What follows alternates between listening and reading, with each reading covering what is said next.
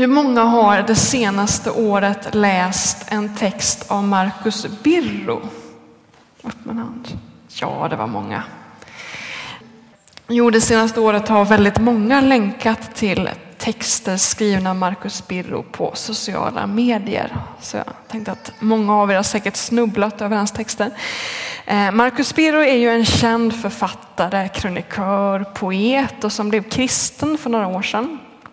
Eh, och han har den senaste tiden tagit upp i sina texter det motstånd som finns mot kristen tro i vårt land eller till och med det hat som han som offentlig person har fått möta eh, också utifrån sin kristna tro. Eh, och därav det här temat förföljelse som Tina avslöjade. Eh, det här med motstånd och hat mot, mot kristen tro är inget nytt, men, men det har fått en ny dimension i vår tid med tanke på nätet. Det är ju inte bara hat mot kristna som har fått en ny dimension utan hat överlag. Vi har pratat mycket om i nu vår om eh, näthat till exempel. Det har blivit möjligt att liksom på ett väldigt enkelt sätt hata på distans och anonymt och det har gjort att det här hatet liksom får nya dimensioner. Kanske hörde du Maria Svelands sommarprat i somras här nu när hon tog upp till exempel det näthat som finns mot kvinnor, offentliga kvinnor. Eh, och jag tror att det finns anledning ännu mer i, i vår tid att, att fundera på hur ska vi bemöta hat? Um, hur ska jag bemöta sånt som gör mig upprörd? Till exempel det som Tina tog upp kring den här. Också en text som har blivit spridd på nätet de senaste två dygnen om det här LSS-boendet. Hur ska jag liksom reagera på hat?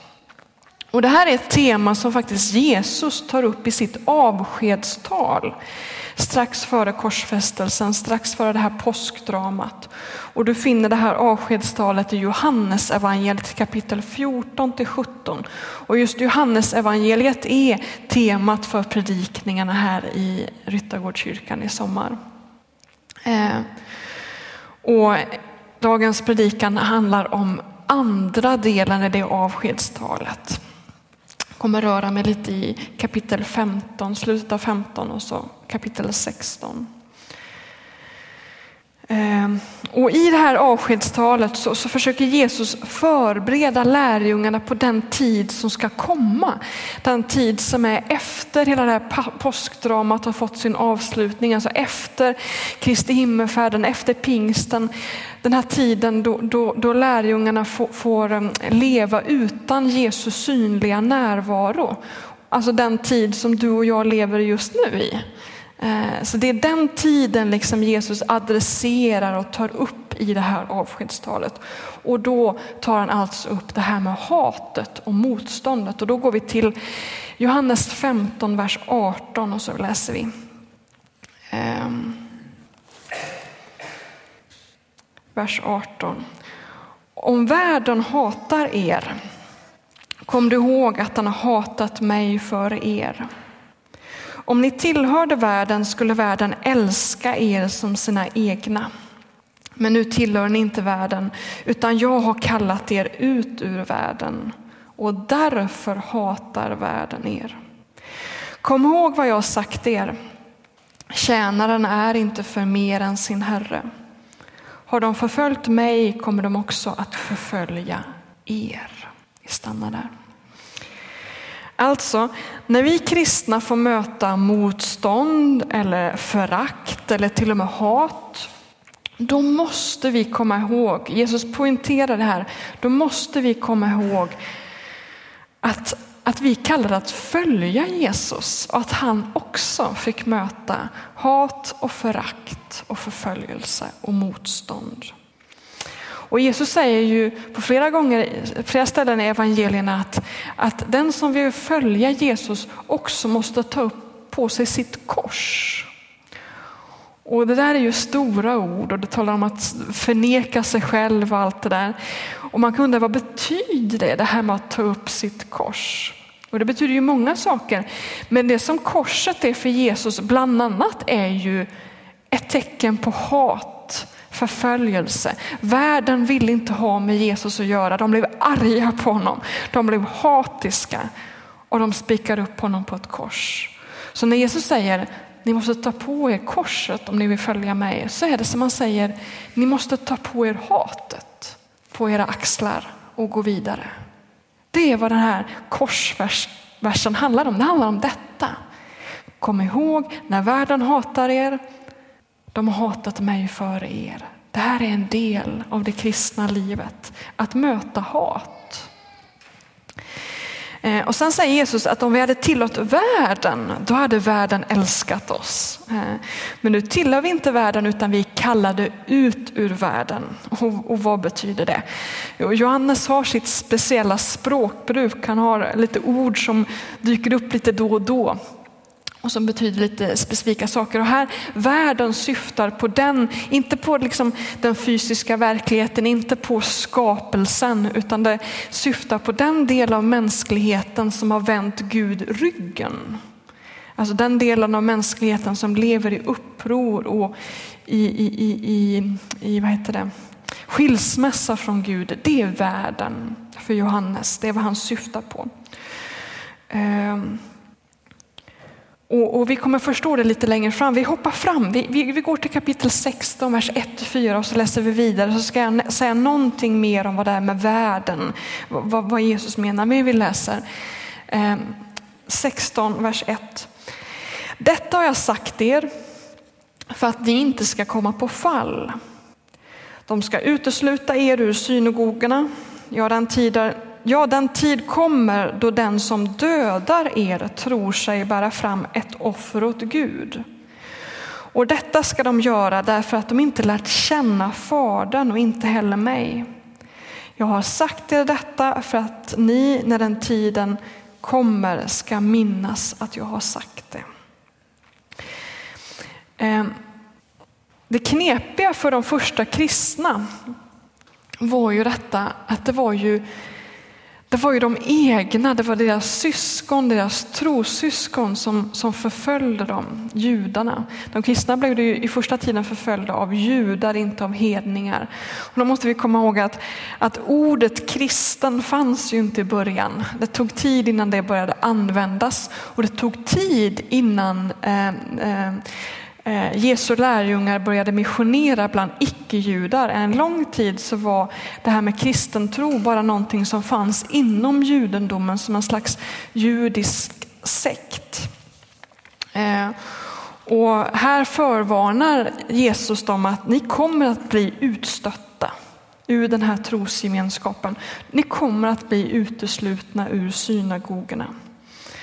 Eh, och det måste ju varit oerhört smärtsamt för de här lärjungarna att om de hade levt med i bönegemenskap så länge, att bli liksom hatade, föraktade, att till och med få veta att ja, men de ser det som en tjänst inför Gud att döda mig. Eh, Paulus har ju den eh, livshistorien, det berättas ju om honom i Apostlagärningarna, att han, han andades av mordlust mot de kristna och han liksom gjorde det till, sitt, till sin stora tjänst att liksom döda kristna, att få dem avrättade. Men så blev han ju omvänd och han blev också den som sen drev frågan om mission bland hedningar, alltså icke-judar. Och det var i den orten där han verkade först som det här namnet kristen första gången dök upp. Du kan läsa om det i Apostlagärningarna. Men som sagt, det måste ha varit oerhört svårt för de här första kristna att få uppleva det här hatet från sina egna trossyskon. Och Jesus försöker hjälpa dem att förstå den här gåtan. Alltså hur kan det hända? Och han säger att, att de kommer hata er för att de känner inte Gud. Och det är oerhört radikalt att säga att de som har, som har levt med gamla testamentet och som ber varje lördag på sabbaten, att de inte skulle känna Gud. Och vi får gå till, till, till en annan skrift som Johannes har skrivit för att förstå detta och det är hans stora brev. Det första, nu skriver tre brev som finns i Nya Testamentet, Johannes. Och det första är det längsta, tror jag fem kapitel långt. Eller om det är sex, jag minns inte. Men, men där utvecklar Johannes den här tanken om hat och kärlek. Och då säger han att, att en människa som känner Gud och lever i, liksom, i förening med Gud, i gemenskap med Gud, kan inte hata. För Gud är kärlek. Och är man i gemenskap med Gud, med han som är kärlek, då kan man inte hata. Eh, världen hatar för att den inte är i kontakt med kärleken. Alltså, världen var ju den som hade eh, vänt Gud ryggen och lever i opposition mot Gud, den som är kärlek. Så det är därför världen drivs av hat medan de som är i kontakt med Gud drivs av kärlek. Eh, och så är det ju att, att man kan ju ha bekännelsen att, att man tror på Gud, både som jude och som kristen, men man har tappat den kontakten med kärleken som gör att man faller djupare och djupare i hat. Och det är någonting att komma ihåg när vi läser de här orden, att den risken finns alltid. Att vi faller bort från gemenskapen med han som är kärlek. Och just detta, om vi tänker på det sättet att världen finns under syndens makt som liksom driver mänskligheten längre och längre bort från Gud. Eh, då kan vi ju inte slå tillbaka om någon hatar oss. Det är ju fel metod att slå den som hatar. För, eh, för det som behövs är ju att den kommer i kontakt med Guds kärlek. Det är ju bara så världen kan omvända sig från sitt hat, genom att komma i kontakt med kärleken. Eh, eh, och sen är det ju så att om vi slår tillbaka med samma mynt, då tappar ju vi kontakten med honom som är kärlek. Och då har vi båda fallit. Eh, här säger Jesus att, att vi kallade ut ur världen. Det betyder inte att vi liksom kallade ut ur den här fantastiska skapelsen. Utan det vi kallade är, vi är kallade ut ur det här beteendemönstret. Att leva i uppror, att leva i hat. Ehm, och det är vi kallade ut ur. Ehm, och Johannes skriver i det här brevet och han är så kategorisk och säger att amen, den fallna världen den hatar och den världen som är i kontakt med Gud älskar. Så säger han att amen, vi, vi faller gång på gång. Du kan se det i det första kapitlet i hans brev där att, att om vi säger att vi är utan synd, då bedrar vi oss själva, då ljuger vi. Vi syndar gång på gång och vi behöver varje dag liksom resa oss ur det där fallet. Resa oss upp från vårt hat vår, vår vilja att liksom slå tillbaka och gång på gång liksom säga jag vill ut ur detta, jag vill älska. Ehm. Och notera det som man säger i första versen där. Detta har jag sagt er för att ni inte ska komma på fall. Låt oss grubbla på den versen där, 6, 16 och 1. Det finns ju två sätt att falla. Ehm, Dels är det ju att avfalla från bekännelsen, att inte längre bekänna Jesus som sin Herre. Och det var det säkert många judar till exempel som fick erfara det här, hur man blev, ut, blev hotad äh, äh, äh, av detta att bli utesluten ur trosgemenskapen i synagogan eller till och med avrättad. Det var säkert många som, som inte vågade bekänna Jesus längre. Eh, eller som kanske tänkte, nej men jag kanske har fel. Om, all, om de här om hela min synagoga har vänt sig emot mig, ja, men då kanske det här kanske inte stämmer om man avfaller från bekännelsen. Så det är ett sätt att man, att man inte längre vågar bekänna med sin mun att jag tror på Jesus. Det är ett, sort, en sån, ett sånt fall. Eh, och då försöker Jesus förbereda dem. Kom ihåg, det här kommer hända. Liksom. Bygg upp en motståndskraft. Liksom. Våga, bygg upp ett mod. Det andra sättet det är ju att sluta bekänna sin tro med sin kropp och sitt liv. Eh, det vill säga att inte älska sina fiender utan istället slå tillbaka. Eh, det är ett sätt att falla, att falla tillbaka in i världens beteendemönster. Eh, och inte längre vända andra kinden till utan liksom slå tillbaka. Det är ett annat sorts fall. Så Jesus försöker förbereda lärjungarna på detta. Jag har sagt det, ni kommer få möta motstånd. Fall inte, utan följ mig, ta på er ett kors och liksom kom ihåg att världen har hatat mig för er. Och det här är ju en, en daglig kamp detta att påminna sig själv om att jag kan inte bete mig som alla andra. Det som är ett normalt beteendemönster i Sverige är inte det liv som jag ska leva. Ofta när vi säger så, så tänker vi typ på sexualmoral och sådana grejer. Men, men det här tycker jag är det svåraste. Att, eh, att påminna sig själv om att jag får inte reagera som andra. Jag är kallad att älska. Jag är kallad att... Jag, det är inte okej okay att förakta, att hata, att håna, att slå tillbaka. Det är inte okej, okay. det är inte vad jag ska göra. Jag ska inte prata skit om andra. Jag ska älska och jag ska förlåta. Och det är så svårt att komma ihåg för det är så lätt att liksom dras med. Och speciellt på nätet, liksom. man sitter och ser någonting och så bara man blir så arg och upprörd och så skriver man något argt och så.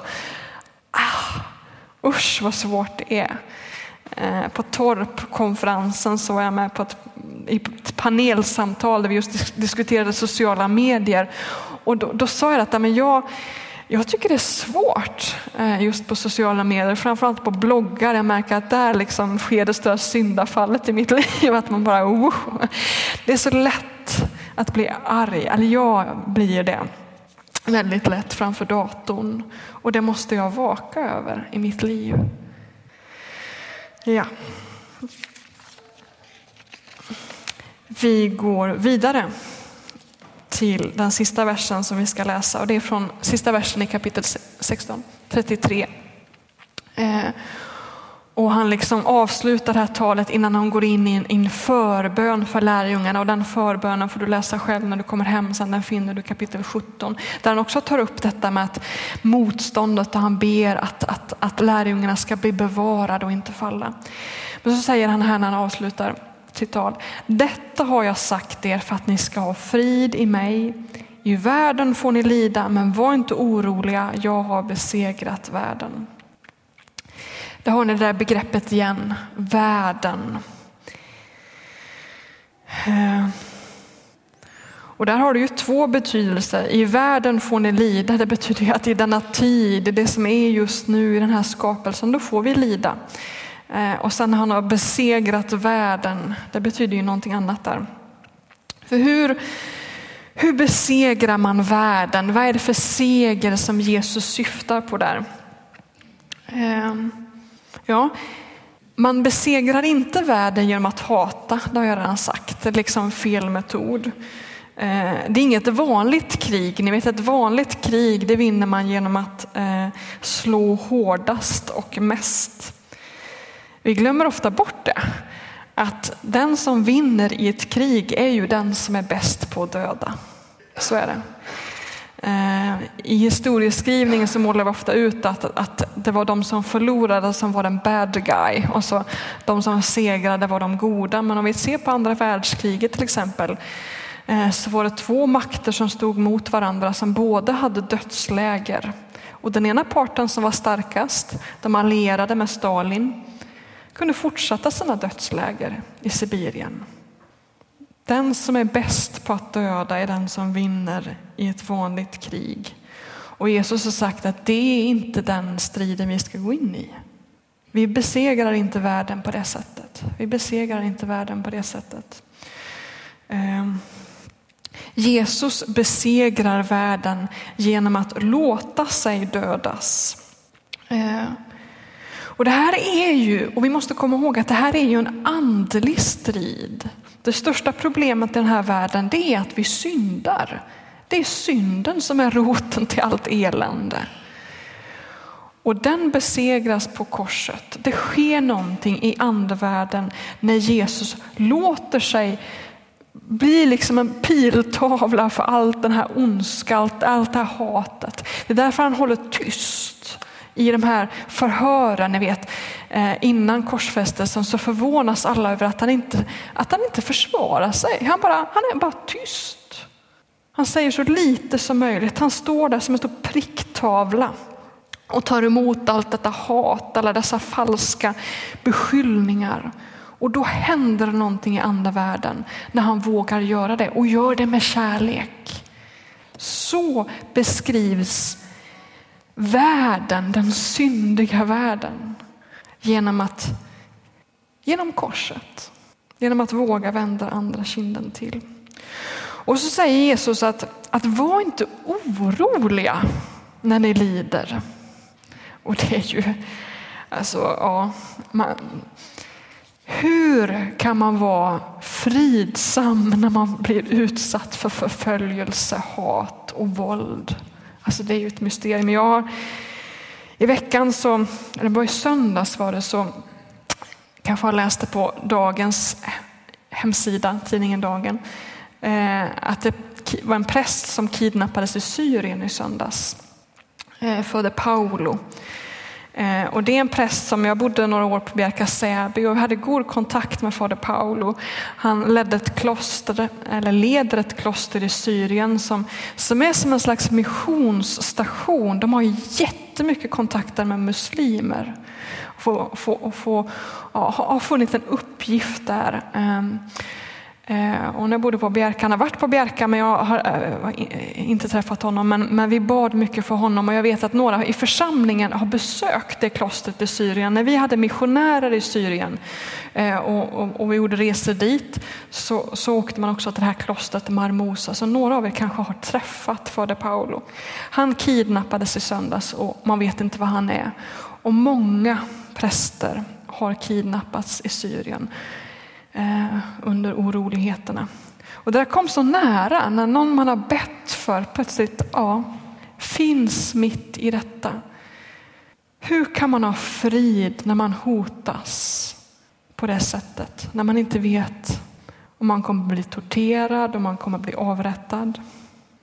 Vad ska man tänka på när man sitter fängslad? Och då säger Jesus i det här, detta har jag sagt er för att ni ska ha frid i mig. Och för att förstå den frasen behöver man egentligen läsa hela avskedstalet kapitel 14 till 17. Det stora temat där, det här med förföljelse är bara ett deltema. Det stora temat är hur vi ska bli fyllda av Guds närvaro. Ingen skriver så mycket om treenigheten som, som Johannes Eh, i det här avskedstalet. Han använder ju inte det ordet, men han pratar jättemycket om Fadern och Sonen och Hjälparen och Anden och hur de relaterar till varandra och hur vi kan få del i den här gemenskapen, hur vi kan bli fyllda av Guds närvaro. Eh, och då säger han att det är genom att tro på Jesus och det är genom att följa Jesus, att praktisera kärleksbudet. Det är så man får bli fylld av anden och den här friden. Avskedstalet börjar med det, känn ingen oro, tro på Gud, tro på mig. Och så fortsätter det hur man ska bli uppfylld av den här anden, hur man ska få del av samma frid som Jesus hade när han stod där eh, inför de här förföljarna och hade frid. Han kunde gå på den här Golgatavandringen med rak rygg. Han hade, han hade gemenskap med Fadern i det. Och han visste att det här är rätt. Och vi kan också ha frid. Vi kanske inte blir kidnappade heller och utstå tortyr. Men vi kan ha frid när någon säger någonting till oss på jobbet eller när vi läser någonting i tidningen eller ser någonting på tv som vi känner att ah, det där var riktat mot mig.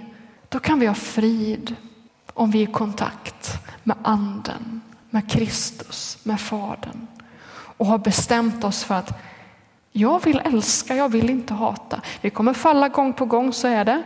Men om vi har liksom det fokuset, jag ska älska och jag ska tro på Jesus. Att tro på Jesus innebär att man tror att lösningen på den här världens elände är just detta, att vända andra kinden till och inte slå tillbaka. Det är att tro på Jesus, att tro på korset, att tro att det här är rätt väg. Och när jag lever i den tron, då kan jag möta hat och motstånd på ett helt annat sätt. Orkar ni lite till? Ja, sista, sista, sista grejen här nu. Eh, på min semester, jag, jag har varit ute och rest lite också, men framförallt har jag ägnat mycket tid åt att på stranden och i min lägenhet läsa. Det tycker jag är roligt. Och då har jag bland annat läst Levi Petrus memoarer, inte alla, han har skrivit fem och jag har läst tre hittills. Eh, Levi Petrus var ju grundaren av pingströrelsen i Sverige eh, och han eh, Eh, vi delar samma födelsedag, jag och Levi Petrus faktiskt, 11 mars. Han är född 1884. Jag är född 1983. Han föddes 99 år före mig. Eh, och han var grundaren till pingströrelsen. Och eh, det har varit väldigt lärorikt att läsa de här memoarerna och fått läsa mycket om den enorma förföljelse som pingströrelsen var drabbad av på 20-talet. Då exploderade i media, man hade media efter sig på 20-talet. Häpnadsväckande saker som man skrev. Eh, det fanns artiklar där man påstod att pingstvänner hade slutna möten där man dansade nakna. I så kallade ängladanser så avslutades det med att man hade sex med varandra. Alltså, det är ju ingenting vad som står i media idag. Alltså det här med källkritik var tydligen inte uppfunnet på 20-talet. Men sådana märkliga saker som man skrev i tidningarna.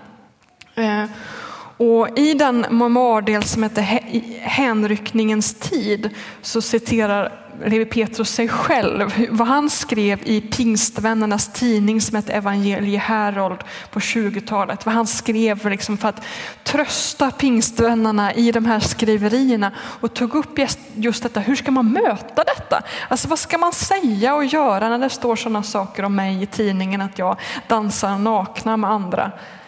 Ehm, och då tar han upp fyra punkter och det hade ni sett här på väggen om inte min dator hade kraschat i veckan. Så kan det vara. Eh, men då hade det varit fyra punkter där, ni får, ni får se dem för ert inre öga. Den första punkten.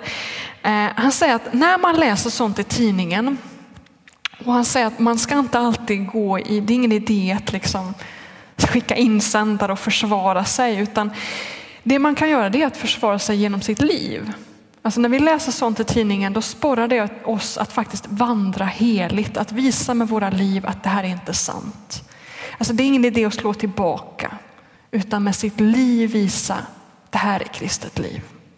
Det första, han säger att det här sporrar oss att verkligen vara ett salt och ett ljus i den här världen. Och sen så eh, säger han att det här bevarar pingströrelsen, han, han talar ju specifikt om pingströrelsen, bevarar oss att, att kunna fortsätta bli välsignade genom att vi, vi tvingas gå på korsets väg. Och han säger att på korsets väg, det är där välsignelsen finns. Och nu får ni höra ett citat här som han skriver så här. Kritiken bidrar även att bevara pingstväckelsen i en föraktad ställning. Alltså han tycker det är positivt. Vilket är nödvändigt om Gud ska kunna fortsätta sitt verk ibland oss. På detta sätt bliva det andedöpta, bevarade på korsets väg. Halleluja. Pingstväckelsen ska också så länge den går klädd i den korsmärkta dräkten därigenom ha ett mäktigt skydd mot inblandningen av falska andar så skriver han. Han är glad för dessa förföljelser för han vet att det gör att vi liksom vi blir bevarade på korsets väg och vi får del av Guds välsignelse.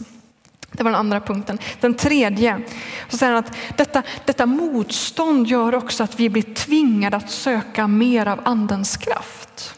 Alltså ska jag klara av detta att liksom hålla blicken fäst på Jesus, då måste jag söka mer av anden. Och det är ju det, precis det Jesus säger i sitt avskedstal.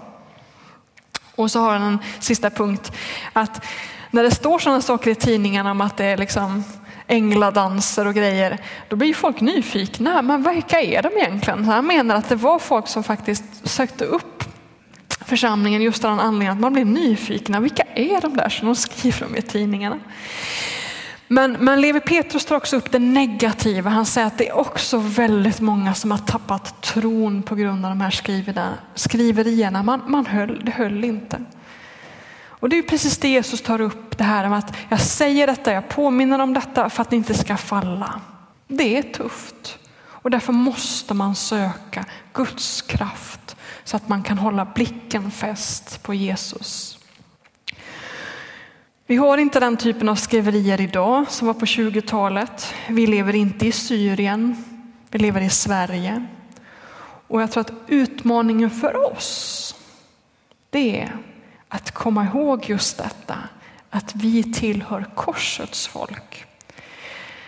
Den kristna tron i Sverige har blivit jätte jätteförvrängd, det här är det sista jag säger, förvrängd av Gustav Vasa och allt det som hände under 1500-talet när kristen tro blev en statsreligion. Kyrkan blev den som förföljde oliktänkande, avrättade oliktänkande istället för att vara den som är förföljd. Och det har liksom förvridit vår uppfattning om vad som är kristen tro. Vi är så vana vid att liksom vara i maktställning och liksom vara den som får bestämma.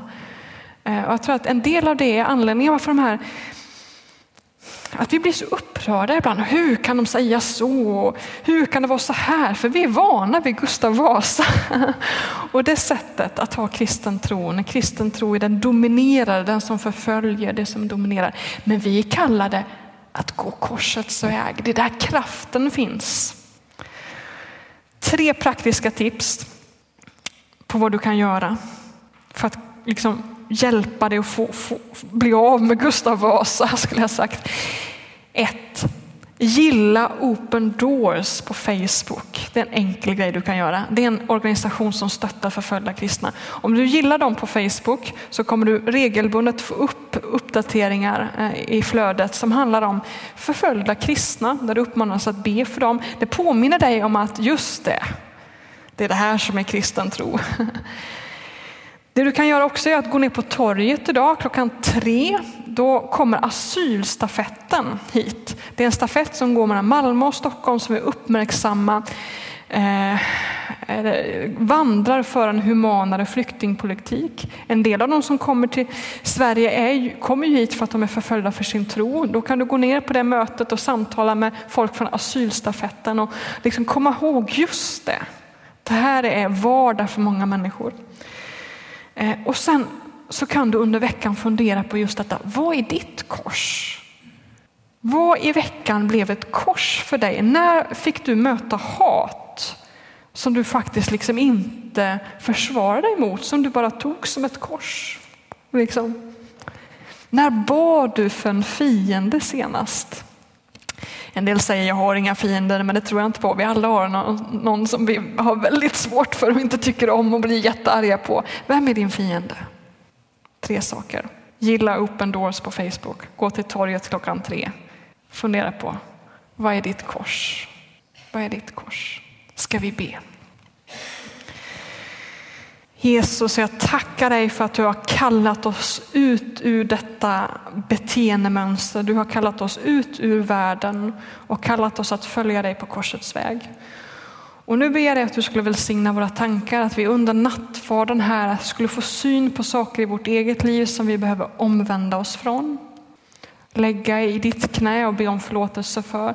Och så ber jag dig att du skulle fylla oss med kraft och med kärlek så vi kan gå ut i den här världen och älska, älska, älska, förlåta och tjäna. Hjälp oss att vända andra kinden till. Och så ber vi också för alla dessa kristna över hela vår jord som är förföljda.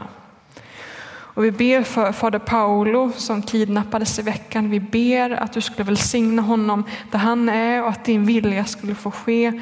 Och att där han är att han skulle få vittna om dig för de som har tagit honom till fånga. Be att han skulle få leda sina förföljare till tro. Vi ber för den förföljda kyrkan. Vi ber också för alla de som är förföljda av annan orsak, som är förtryckta i vår värld och vi ber att vi skulle få gå i armkrok med dem och stå på de svaga sida, att vi skulle identifiera oss med dem. Låt dem få finna dig i sina lidanden.